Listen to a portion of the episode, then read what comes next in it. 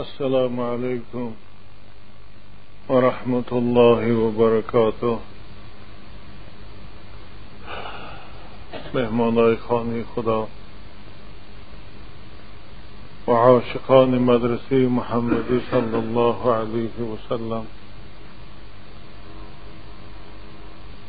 همه شما را به این روز عبادت روز بندگی تبریک و تهنیت می‌گویم. و از پروردگار عاجزانه دعا می‌کنم. برای قدم های رنج فرمودی شما اجر جزیل و ثواب بزرگ نصیب گرداند. و در عوضی هر قدم زدگی گناه های شما را مغفرت نماید. و درجات شما را در جنت بلند بردارد و هر حاجاتی که داشته باشد پروردگار حاجت های شما را برآورده گرداند. آمین. امروز نوزدهمی ماه شوال است. به حسابی که ما روزه داشتیم و عید کردیم. موافق به چهارم ماه ینور است.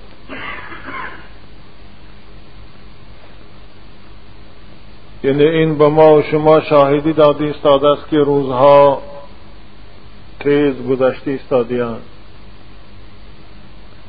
و عمر ما و شما هم مانند گذشته این ایام و روزها سپری شد ایستاده و روز به پایان می‌رسد.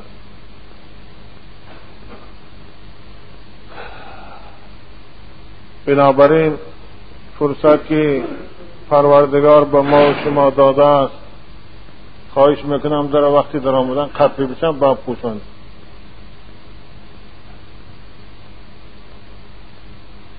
در این خانه خدا با یکدیگر جمع شده ایم و رو فرو نشسته ایم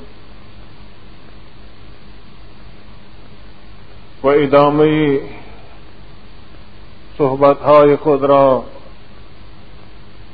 درباره تاریخ و سرگذشتی چهار یار پیغمبر حضرت ابو بکر و عمر و حضرت عثمان و علی ادامه می دهم و در دو جمعه گذشته با شما داستانی ایمان آوردن یار اول و رفیق غار پیغمبر بزرگوار حضرت ابو بکر صدیق بیان کردیم و الحمدلله باز امروز با توفیق الهی و تاریخ و داستان یار دومی این آفتاب تابان رسالت پیغمبر بزرگوار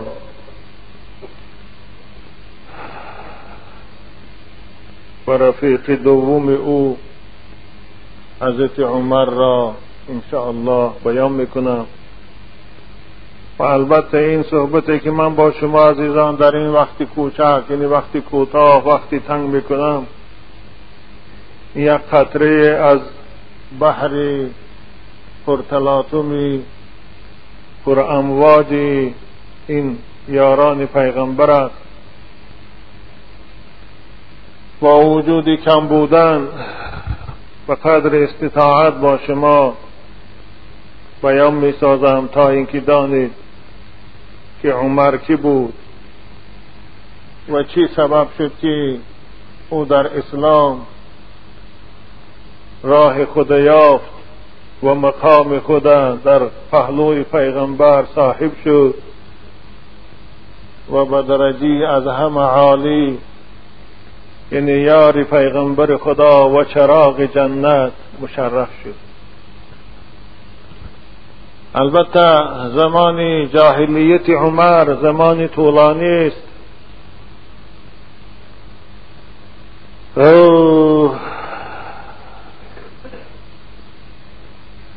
ما او را در اینجا بیان نمی کنیم. فقط با شما نام حضرت و تاریخ تولدشان و سبب اسلام آوردنشان و در جمعه آخر الله خدا خواهد اگر لحظه های جانگدازی وفات حضرت عمر رضی الله تعالی عنه رو بیان می‌کنم. الحمد لله رب العالمين وأشهد أن لا إله إلا الله ولي الصالحين. وأشهد أن سيدنا وعظيمنا وحبيبنا محمدا رسول الله خاتم الأنبياء والمرسلين وعلى آله وأصحابه أجمعين.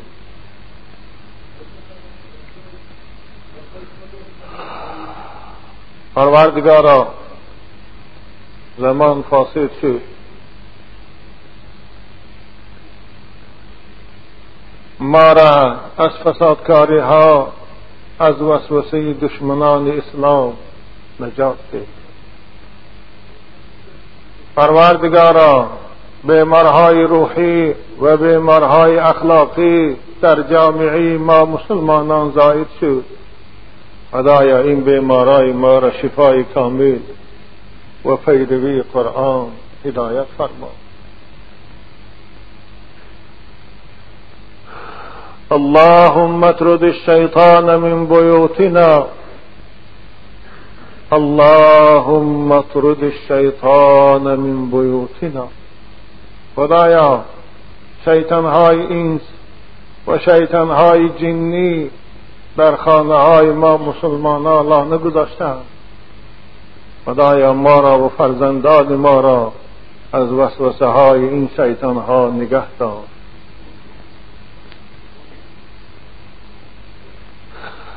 اللهم اجعل جمعنا هذا مرحوما وتفرقنا بعده معصوما. ولا تجعل فينا شقيا ولا محروما. خدایا، این جمعیت ما را جمعیت گردان که شامل رحمت تو باشند خدایا، بعد از پراکنده شدن این خانه تو ما را در پناه عصمت خود نگه دار تا اینکه از راه تو منحرف نگردیم. فضايا در إن عاشقان مدرسي محمدي كسير عاد رحمتي रहमत खुद ना उम्मीद آمين. آمين. وأشهد أن لا إله إلا الله. يقول عبد الله بن عباس رضي الله تعالى عنه إذا ذكرت عمر فقد ذكرت العدل. وإذا ذكرت العدل فقد ذكرت الله جل جلاله.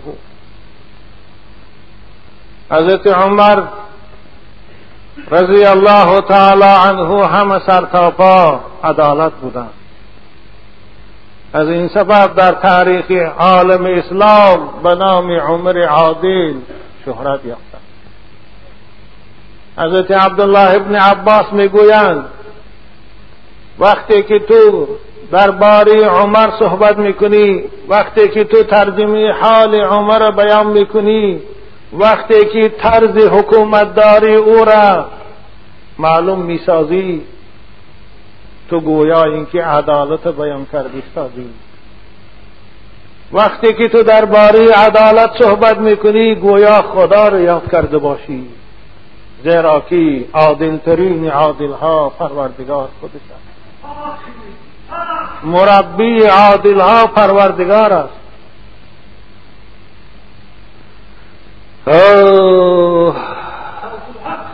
حضرت عمر رضی الله تعالی عنه با آن قرب و کمالاتی که داشتند در پیشگاهی پروردگار خوف او وحشت او از عذاب خدا بسیارتر بود.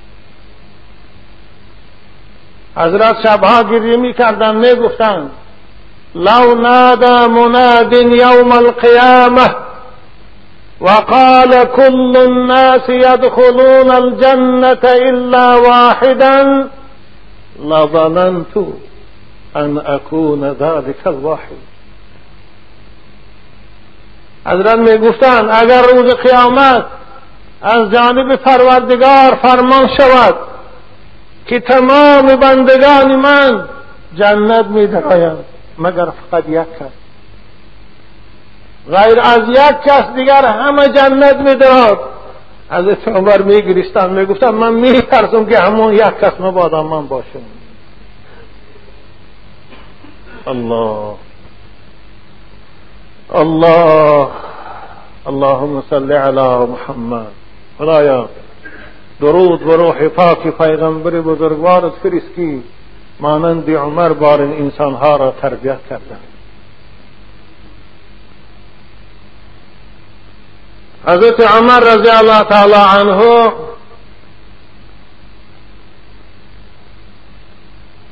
در سال سینزدهمی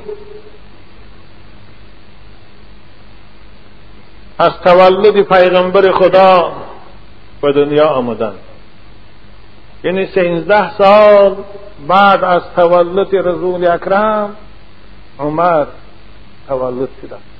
بنابر سن مبارک ایشان از پیغمبر خدا سینزده سال جوان است. حضرت ابوبکر صدیق دو سال از پیغمبر خدا جوان بودند. در سن شست و سالگی در سن که پیغمبر بزرگوار وفات کردن ابو هم وفات کرد. این مدت خلافتشان دو سال بود. حضرت عمر رضی الله تعالی عنه سیزده سال از پیغمبر خدا جوان بودند.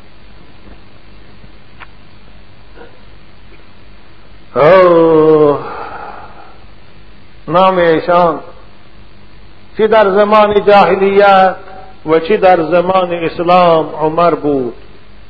پدرشان خطاب نام داشت. عمر ابن خطاب رضی الله تعالی عنه.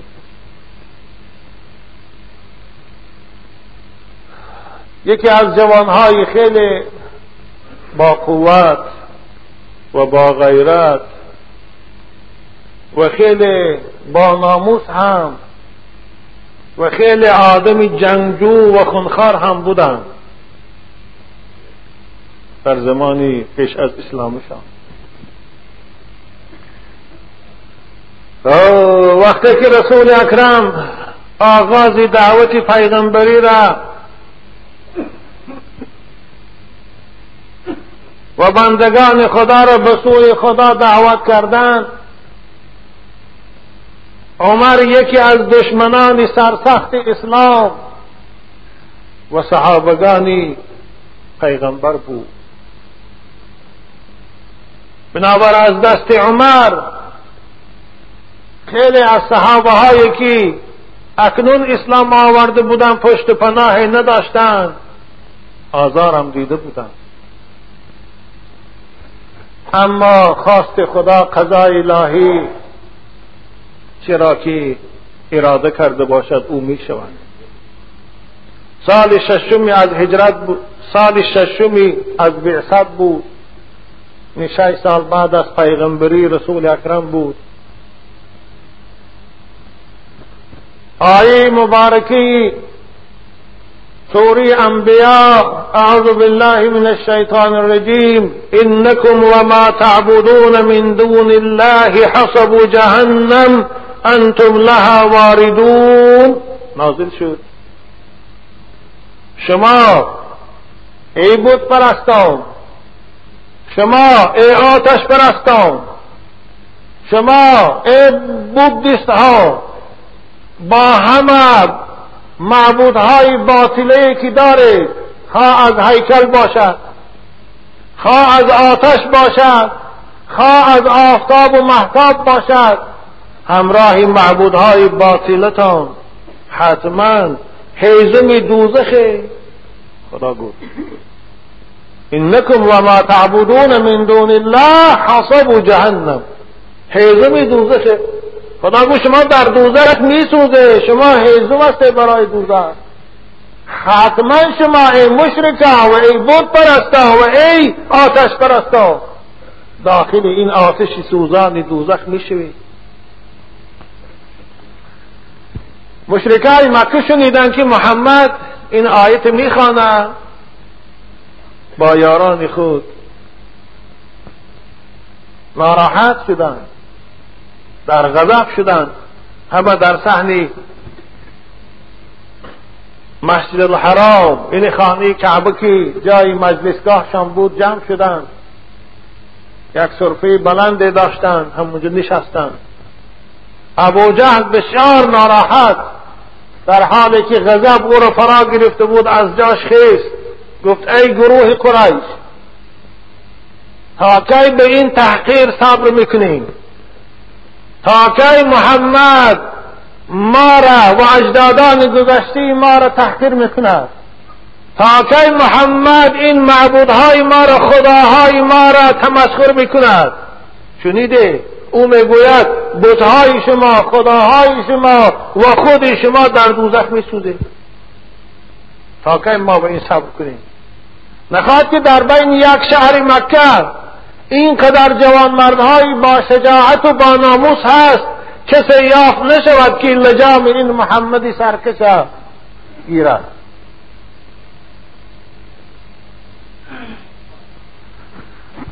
عمر می‌گوید در آن مجلس حاضر بود. و خیلی هم جواب بود وقتی غرورش بود. از جاش خیست. گفت ابو جهل برای کسی که می‌خواهم محمد از بین بردارد چی مکافات می‌دهی؟ ابو جهل گفت قسم بلات عزا کی هر کس که سر محمد میارد برای وی صد اشتر سرخموی و چل هزار تنگی تلا میتیم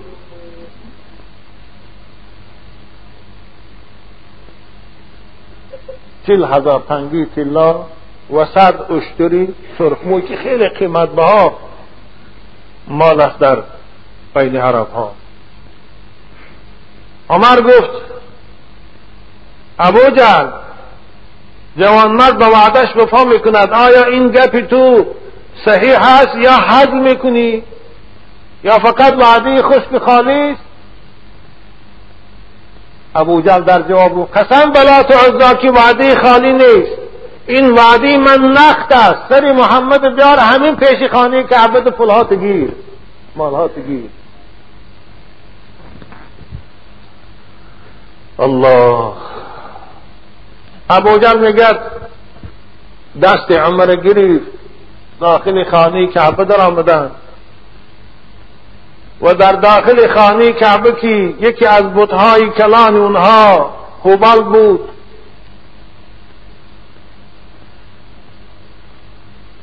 رفتن.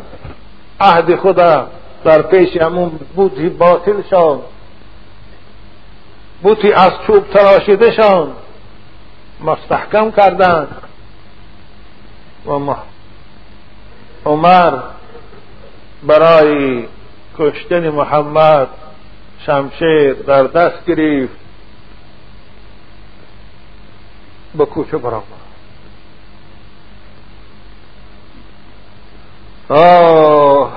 سراخ کرد که محمد در کجاست. از سبب آنکه خیلی صحابه های رسول اکرم از دست این مشرک ها تعقیب ها و آزار های سخت دیده بودند.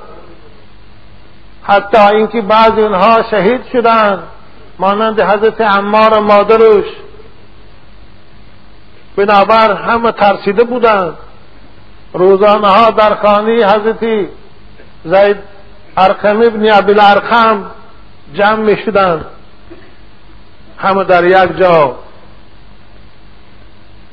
و در اطراف پاسبان ها می موندن از ترس مشرک های مکی که مبادا هجوم می‌کنند.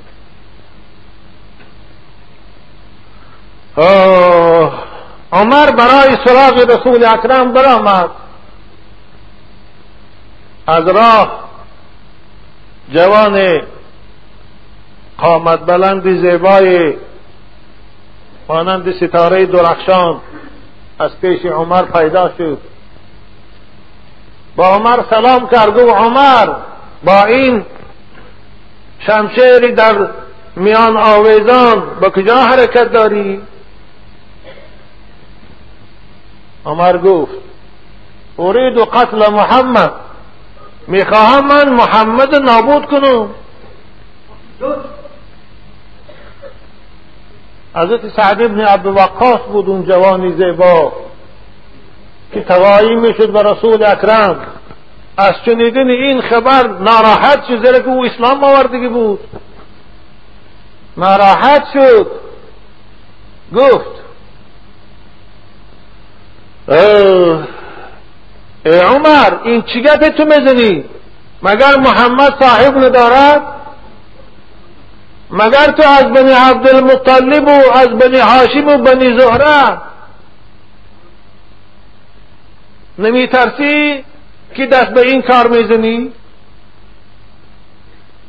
وقتی که حضرت سعده ابن عبد وقاص این سخن گفتند عمر می‌گوید پای برد که این خودش به محمد اسلام آوردگی از پشتیبانیش معلوم که اسلام آوردگی گفت ای سعد شاید تو هم گفت دین محمد در آمدی شاید از دین باب اجداد رو گردانده به دین او رو آورده باشی. اگر این راست باشد اول از تو کشتن سر می‌کنم. حضرت سعد ابن ابو هم خیلی شجاع جوان مرد بودن بنابر در غزوه احد رسول اکرم در پیشی خود سعد ابن ابو وقاص سپر کرده بودند. با تیر دشمن تیر برام می‌کرد. صحابایی که میگذشتن تیرهاشان می‌گرفت پیش او میریخت می‌گفتن ارمی فدا که ابی و امی. اول کسی که رسول اکرم برای وای پدر و مادر خود فدا کردن این همین سعد بود.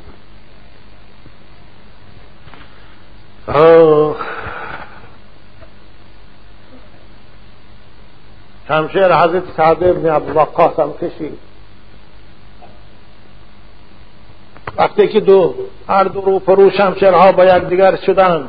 سعد گفت ای عمر تو با تا چه اندازه؟ بے ناموس و بے غیرتی کی خاندان خود حالا اصلاح نکردی و دست به خاندان دیگران می‌زنی؟ یعنی خاندان خود اصلاح کرده نمی‌تونی. از خاندان خودت خواهر و تو یزدت ایمان آورد دست به محمد و اونها رو مونده دست به خاندان دیگران می‌زنی بعضی را معرقه میگن مراد این شخص نعیم ابن عدین رضی الله تعالی عنه یا این یا او کدامش کی بود. وقتی که عمر این سخن شنید اگر ماننده که در سرش آبی خنک ریزی در جا شق شده بخواد که از خاندانی من خواهر من خواهر عمر به محمد ایمان آورده. خواهر عمر که می‌خواهد سری به محمد بیارد مسلمان شده است. یزنش یا الله. بگه گفت راست میگوی یا درو گفت من راست میگوی بنابر عمر می‌گوید از راهش گشت. طلب پیغمبر خدا را گذاشت و به کافتکاوی خواهرش سر کرد. اینه به خانه خواهرش رفت. خب رفتی دروازه خانه محکم است از داخل. آواز شنیدی استاده است چند آواز برآمدی استاده است؟ گوش انداخت آوازها آوازهای ناشناس. کلمات تلفظ شده ایستاد است که به گوش عمر بیگانه بود. عمر باور کرد که چیزی هست در همون وقتها در همون روزها سوره مبارکی تاها نازل شده بود. رسول اکرم این سوره مبارکه را برای تعلیم دادن به همون صحابگانی که ایمان آورده بودند به واسطه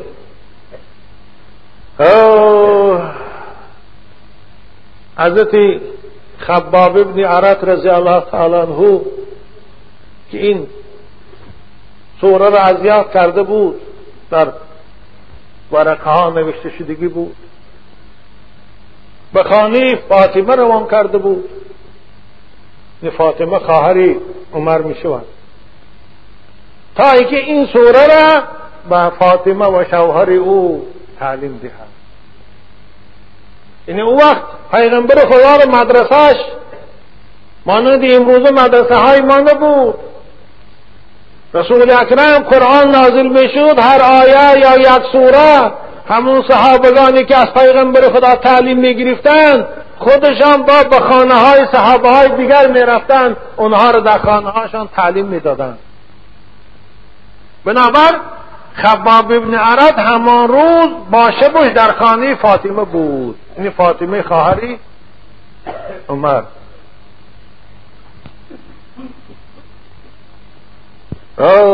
دروازه تخت تخ شد خیلی با سیاست گفته شد. فاطمه ترسید گفت که این سیاست و غیر از عمر دیگر کسی نیست. بنابر حضرت خباب ابن عرط در آوردن در خانه در یک جای پنهان پنهان کردن مخفی کردن. و او ورقه که در او سوره تاها نوشته شدگی بود او را هم در یک جا پنهان کردند. و فاطمه رفت و در کشاد در کشاد عمر با سلامت در آمد. گفت فاطمه چی صداهای بود که من شنیدی ایستاده بودم؟ خارج گو نه هیچ صدا ما با دیگر هر دو زن شوهر چی مسلحتی زندگی داشتیم. یگان صدای دیگر بیگانه نبود.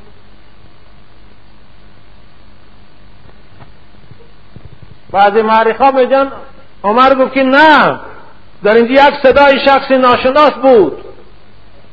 میگه در آمد خانه رو کاف. از کنجی خانه حضرت خباب به دریافت کرد. برآورد. او پهلوان بود. آدم قوی بود.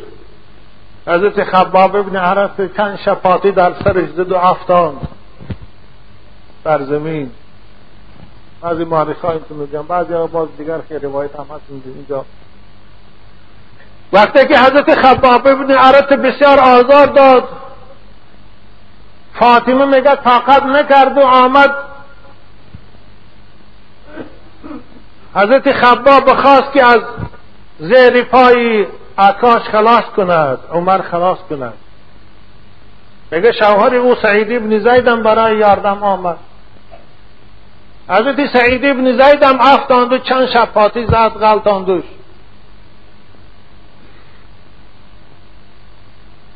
فاطمه میگد برای خلاص کردن باز حرکت کرد که یک مشت فراور در سرش. عیال بود. رخسارش با همون پهلوی سرش کفی کن هم تو فواره زد. فاطمه را حضرت فاطمه دیگر طاقت نکرد به دشمن خدا. ای دشمن خدا گفت تو برای آمن می‌زنی که من به خدای یکتا ایمان آوردم. انما تقتلنی لاننی اوحد الله. برای آن تو ما رو می‌کشی که ما به خدای یکتا را پرستش می‌کنیم برای هوای. ای دشمن خدا گو ای کافر. باواز بلند میں گم شناؤ. اشہد اللہ الہ الا اللہ و اشہد ان محمد الرسول اللہ. اللہ. فاطمه وقتی که با شجاعت این ندا را بلند کرد. کلمه شهادتی که با آواز بلند گفت. عمر می‌گوید از شجاعت خواهرش از حیبت خواهرش. بسیار متأثر شد. میگد از جاش خیست از بالای خباب عرتو از بالای ازمش خیست و در کنج خانه رفت می‌شد عزیزان ما وقتی که من از نور این حکایه رو میخواندم. و این مولانا معینی در نادر المعراج هم این تاریخ بیان می‌سازد. این لحظه ها رو که میخواندم پیش چشم من منظری سوال یک برادر در جمعه های گذشته آمد. که وقتی که بندگان خدا در نماز بعد از انجای نمازی فرض کلمی لا اله الا الله را بلند می گفتیان. ملای محلشان اونها را از گفتن این کلمه من کردند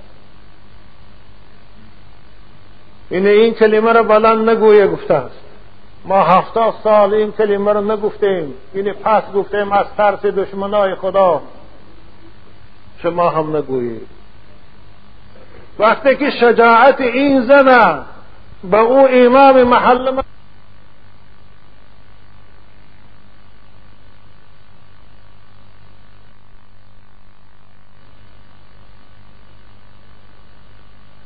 کلمه ایمان با آواز بلند تکرار می‌کرد.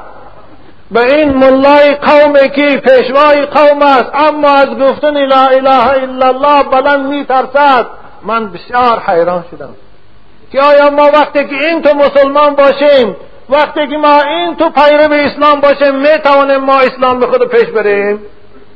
مسلمانی که از لا اله الا الله را بلند گفتن شرم دارد یا ترسد ما می توانیم اسلام عزیز خود بالا بریم؟ نه نمی توانیم حالا الحمدلله او زمانهایی که برای این کلمه را گفتن سود می‌شد این زمان نیست. حالا حکومتی ما حکومتی آزادی دین داد است به قدر امکان. کسی را برای این کلمه را آشکار گفتن حبس نمی کنند کسی را جزیه نمی کنند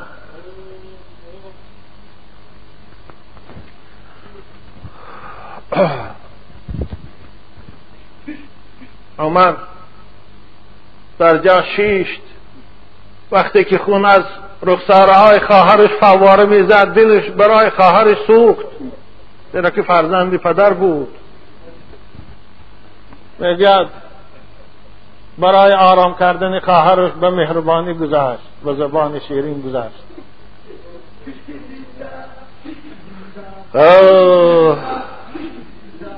فاطمه امان ورقه که شما تلاوت می‌کرده امون کتابی که میخوانده به من ته. امان ورقه که شما الان میخوانده همراه شوهرت همون ورقه به من نشان ته. چی در اون نوشته شدگیست فاطمه گفت نه. تو کافری گفت. تو را خدا در قرآن مشرکان نجس گفتن این کتاب کتاب است که لا یمسه الا المطهرون. بندگان پاک او را به دست می‌گیرند. من او کتاب رو به تو نمیتیم اگر سر ما هستن جدا بکنی من اون کتاب رو به تو نمیتیم تو مشرکی تو نجسی تو پلیدی.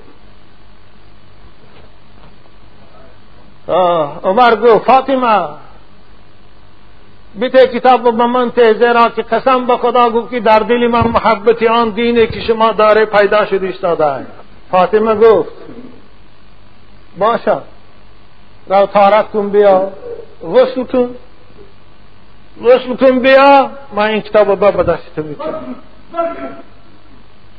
میگه عمر خیست برای غسل کردن رفت.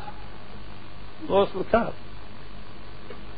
حضرت خباب گفت فاطمه آخر چگونه قرآن از این مشان به دست عمر میتی؟ شاید مبادا در رانه شاید مبادا ما رو فریب کنو یگان تحقیر نسبت به این کلام خدا کنه. فاطمه گفت یا خباب من از پروردگار امید دارم که برادر من هدایت کرده باشد من از پروردگار امید دارم.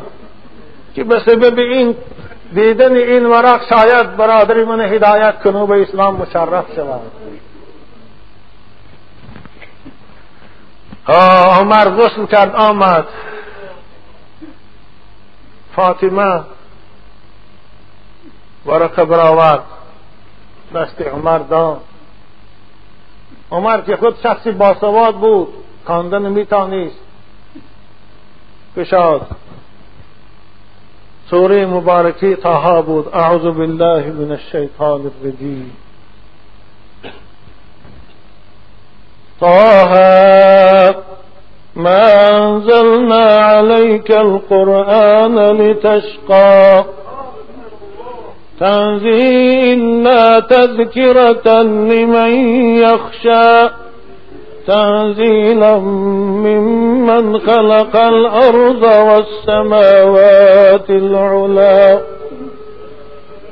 الرحمن على العرش استوى له ما في السماوات وما في الأرض وما بينهما وما تحت الثرى.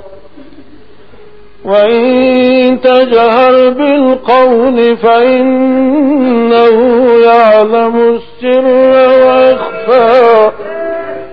لا إله إلا هو له الأسماء الحسنى. آه إلى قوله يا موسى إني أنا ربك فاخلعن عليك إنك بالوادي المقدس طوى. وأنا اخترتك فاستمع لما يوحى إنني أنا الله. لا إله إلا أنا فاعبدني وأقم الصلاة لذكري. وقتی که حضرت عمر این آیه ها رو می‌خواند وقتی که این آیه ها رو تلاوت می‌کرد عمر از حالت اولش دیگرگون می‌شد. از شیرینی الفاظ این آیه ها از پرمضمونی او از بلند بودن بلاغت و فساحت او مفتوب می‌شود مست می‌شود زیرا که در این چند آیه که تلاوت شد پروردگار چی می‌گوید؟ عزیزان من توجه کنه و طریقی کوتاه ترجمه بکنه. تا این از جمله حروف های مقطعات است. معناش به خدا معلوم است. اما بعضی مفسرها ترجمه کردند که ای مشتاق حق و ای حادی خلق ما این قرآن برای آن نفرستادیم که تو به سبب عبادتی پی در پی وزنین و به سبب دعوتی پر مشقتی خلق به سوی خدا خود در بلا گرفتار کنی. خود در مشقت اندازی خود به حلاکت رو فرو کنی. الا تذکرتا لمن یخشا. محمد این قرآن ما برای بندگان خدا ترس. پندهنده و بیدار سازنده فرستادیم نه برای کافران. برای دعوتی اونها که در خطر ننداز. تنزیلا ممن خلق الارض والسماوات العلا. این کتاب است فرستاده شده از جانب ذاتی که آفریدگار زمین است و آفریدگار این آسمان بلند است. تنزیلا ممن خلق الارض والسماوات العلا. الرحمن على العرش استوى خدای مهربان است. خدای دلسوز بندگان است. خدای است که صاحب این عرشی بزرگ است. خدای است که بر تمام کائنات و عرش تسلط دارد.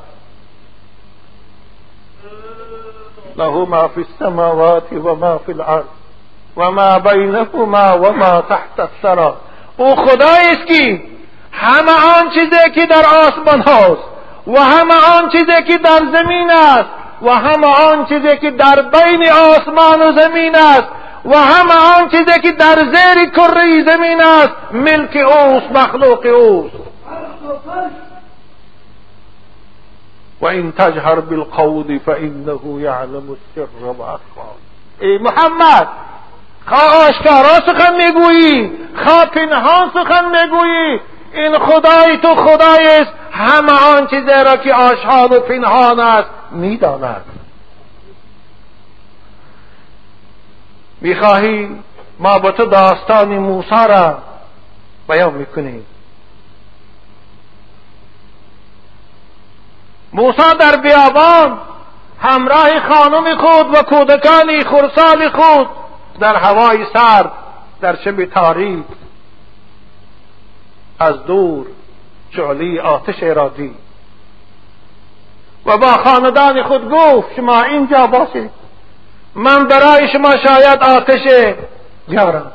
یا شاید از او آتش راه یابم که شما را از این سردی و تاریکی خلاص کنم و به یگان جای مناسبی برم. پروردگار در سوره تاها دوام آیت این بیان موسی به سوی تور رفت.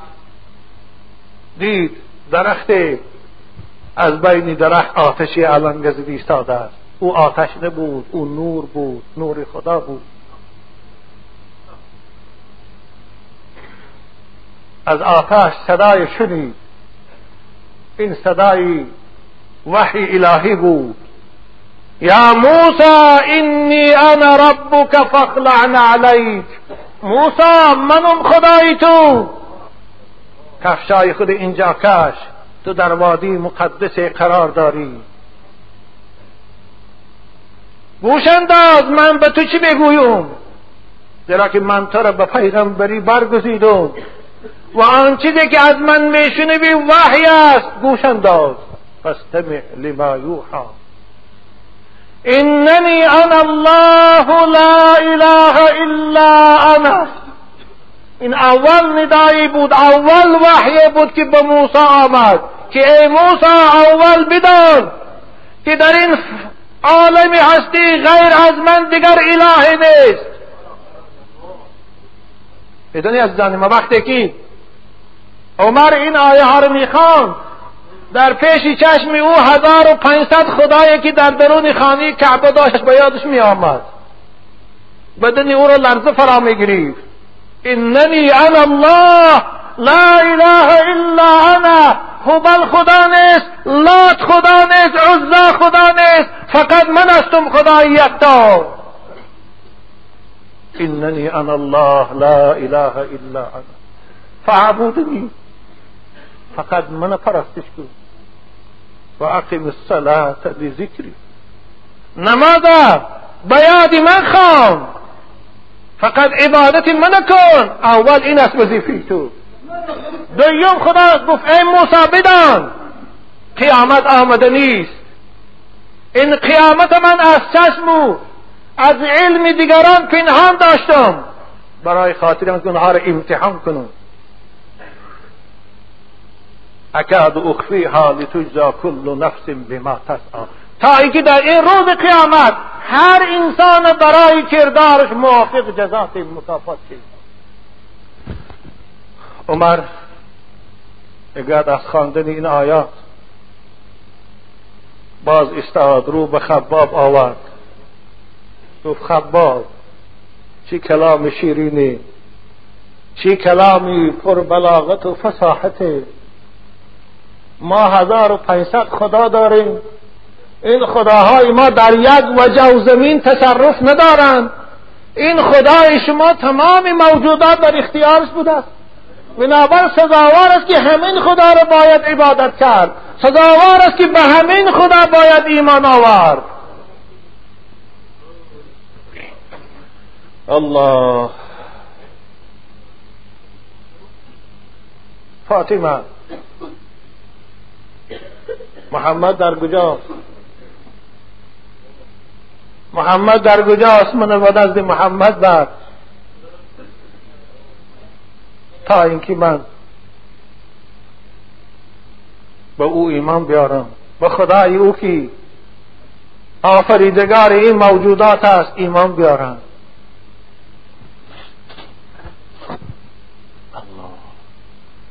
از سبب که وقتی ما به پایان رسید عزیزان من حضرت عمر در این راه باز می‌گذاریم. همراه خباب و رسول اکرم همراه صحابگانی مستضعف خود در خانی ارقم هستند. تا جمعه دیگر ایشان می‌گذاریم. درود خدا به روحشان باد. و در اینجا صحبت خود من به پایان میرسانم. از سبب آنکه مکتوب های سرشمار در جمعه گذشته سوالات بسیاری به من رسیده بود این ده دقیقه فرصت است. من سوال ها را جواب میبیم انشاءالله ادامه صحبت باز از ساعت دوازده توغری خدا خواهد در جمعه دیگر بیان می‌سازم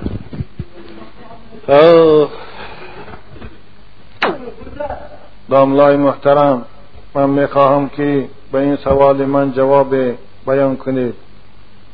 در کان نمکه که فیه خود مرده خوب باشد اما به سبب استادن نمکی نمک شده باشد آن را خورده می شود یعنی سوال این برادر شاید همون مسئله در مختصر بودگی باشد که که حمار این سار ملحم بارین. پیش من نمی‌دونم که چی است پیش.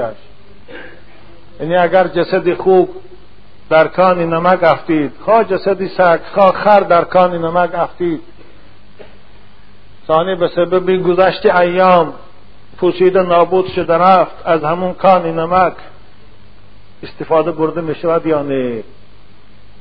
سوال برادر همین بودگی البته این طالب علم از مختصر میخواندگی می‌دانند قاعده کلی است در علم فقه که ان النجاسه اذا تغیرت بمضي الزمان وتبدلت اوصافه. خب.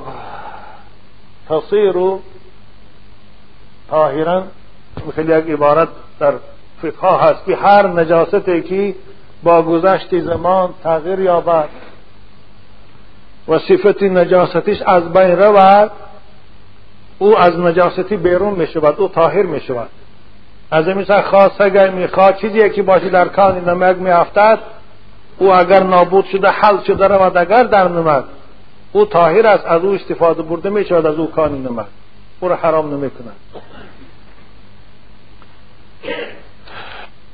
السلام علیکم داملای عزیز. موی زیر بغل را تراشیدن ناخونهای انگشت را به انگشت را به دندان گرفتن درست است یا نه؟ و تا چند روز پس گرفتن در کار است. موی زیر بغل تراشیدن درست است یا نه؟ سوال اول امینه اولا فقها می‌گویند برای زیر بغل اولا خوب بوش کندن است. اما تراشیدنش هم باکی ندارد. زیرا که رسول اکرم صلی الله علیه و سلم حدیث امام ترمیزی روایت کردگی زیر کشانه هم تراشیدگی هستند. بنابر اگر کسی که چیند بهتر چیندن هستیم لیکن اگر چیندن نتاند مشقت باشد چیندن برای او تراشیدنش هم باقی ندارد. حالا بهتر از این با داروهای خوب برآمده است که کریم باری ننگی دندان شوک بارن است. کرمی اینی خمیری دندان شوک بارین بهتر است میشه که در اندک لحظه موش میرزاند. اینش هم میشه بدیم مدتش باید از چیل روز نگذرد. Hz. Anas radıyallahu anh'a hadis rivayet metni hadis İmam Müslim ay ki vakkate lana Resulullah sallallahu aleyhi ve sellem fi taklimil azfar ve natfil ibt ve kasfil şevarib en la تكون أكس ألا يكون أكثر من أربعين يوما جناب پیغمبر برای ما و شما تاکید کردند که خواه ناخون گرفتن باشد خواه موی زیر ناف باشد خواه موی زیر کش باشد از چل روز اون طرف باید نگذرد. اولا و افضل هر جمعه باید تازه کرد. هر جمعه هم زیر نافه هم زیر کشه هم ناخونا رو گیره اولا بهترش این است. نباشد هر دو جمعه یک بار تازه کردن. اما از چل روز اگر گذرد به مکروه میشودیم مکروه تحریمی گفت صاحب براد مختار. این چنین ناخونهای انگور من ناخونها هم گرفتنش به دندان مکروه هستیم. باید دن ناخونها را به تیزی نگرفتن در کار. اما به دندان کندن ناخون فقها مکروه گفتن حتی سبب پیدایش بعضی بیماری ها گفتیم. از همین سبب ناخونها را باید تراشیدن در کار است. این قیچی است یا من الان ناخون گیرکا برامد از کارچه است باید به اونها گیریم. اینم باید کار کن در کار که دراز نشود. رسول اکرم همون صحابایی که ناخوناشان گاه دراز می‌شد تگاهشان چرک میری خیلی از دیدنشان ناراحت می‌شدن کاهش می‌کردن. بنابراین باید هر جمعه بهترش روزی جمعه.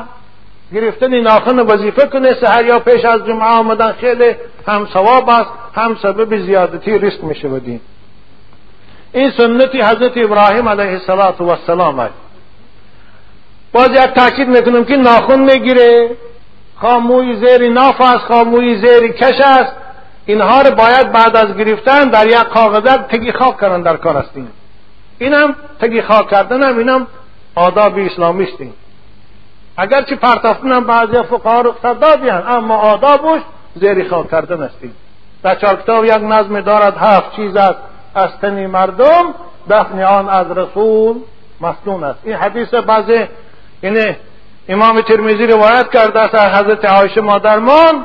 اگرچه محدثا در باره این حدیث صحبت بسیار دارند که وکان صلی الله علیه و سلم امر بدفن امر بدفن سبعت اشیاء من انسان از بدن انسان هفت چیز باید زیر خاک کرده شود. حدیث امام ترمذی است یکم الشعر و الظفر من مو یکی می‌گیریم خواه موی سر میتراشیم خواه موی زیر ناف و خواه زیر کش. ناخونا رو می‌گیریم. از سین و دندان میغلطه. ادمو یا من خون بگیریم به شاخکه یا به جوگی باید بایم تگی خاک کرد. یکی لطه حیز من زنها لطه دارم برای حیز شما. بایم باید تگی خاک کرد. یکی مشیمه من همراه که قطی کودک از مادر می افتد ویم تگی خاک کردن در کرستیم این خلاصی کلام انسان عزیزان من صاحب حرمت است. هر چیزی که از بدن انسان جدا می شود باید باید تگی خاک کرد. از سن دوازده بلاغت می‌رسند. یا کسانی که کافر بودن مسلمان می‌شوند. ختم کردن اونها ممکن است یا نه؟ آخر اگر کنن سطر عورت فرض است کو. آیا فرض از سنت بالا نیست؟ این برادر خودش یا ملا است ما را تنگیدی ساده است یا کی؟ از کجا شنیده همون گپا رو شده است؟ ختم شعار اسلام است. پروردگار حضرت ابراهیم علیه السلام و امر به ختم کردن کرد. بنابر در همون سین نکان سالشان ختم کردن. بعد رو یک بیست ساله بودن حضرت. یعنی اکنون سنی ختنه برای فرزندان مسلمان اختلاف است. حضرت امام اعظم در همینجا پرسیدن حضرت نمی‌دانم گفتن. خدا هم انصاف دیرن که حضرت امام اعظم بعضی چیزا رو نمی‌دانم بین حضرت نمی‌دانم گفتن. لیکن حضرت ابراهیم علیه السلام اسماعیل در سینزده سالگیشان ختم کرده بودند اسحاق در هفت روزگیشان ختم کرده بودند بنابر ابن عباس می‌گویند یعنی ما یعنی امت پیغمبر ده بین هفت تا ده همین بین باید ختم کنیم اگر چی میدا کم کنیم بشود اگر یعنی تا بالغ شدن باید ختم کرد این سنت اسلام است شعار اسلام است. اگر کافرایی که مسلمان می‌شوند مثلا یاش باشد ختم می‌کنیم پیر باشد چی؟ این دم مفسرا مشتهدا اختلاف دارند حضرت ابن عباس امام مجاهد اکرمه می‌گویند که اگر کافر مسلمان شود پیرم که باشد شیخی کبیرم باشد تا ختمش نکنی ایمانش هم درست نمی شود ذبحش هم درست نیست حلال نیست حجم کنه حجش هم درست نیست. داریم. برادرایی که این سوال ها رو برای ما ارسال کردیم از ثواب طالب علمی پروردگار نصیبشان گرداند و و شما عاشقان مدرسه محمدی رو پروردگار از ثواب سامعی با نصیب گرداند پروردگار تمام سرزمین های عالم اسلام اسلامی را و خصوصا این سرزمینی جمهوری ما را سرزمین های پرفیض و پربرکت گردان و صلح و آرامی را خدایا در این جمهوری ما پایدار گردان. و در جمهوری اسلامی افغانستان خدایا تینجی و آرامی را هم همیشه پایدار گردان. خدایا بیمارای ما را شفای کامل عنایت فرما و به فرزندار و فرزند صالح نصیب و روزی گردان. خدایا این بندگانی تو هر مراد و مقصودی که داشته باشم به مقصودشان رسان. و این جوانانی که و این طفلکانی که مانند گل بلبلها برای بوی کشیدن گلهای عبادت به خانی تا آمدیند خدای عمر دراز و سنی صحت و فیروی اسلام نصیب نصیبتان گردان. در حقی رئیس جمهور هم دعا کنیم پروردگار عمر دراز و سنی صحت و هر نیتی که برای آبادانی جمهوری ما و برای صلح و صلاح و برای پیشروی احوال خیر در دل داران خدایا به نیتشان رساند آمین یا رب العالمین.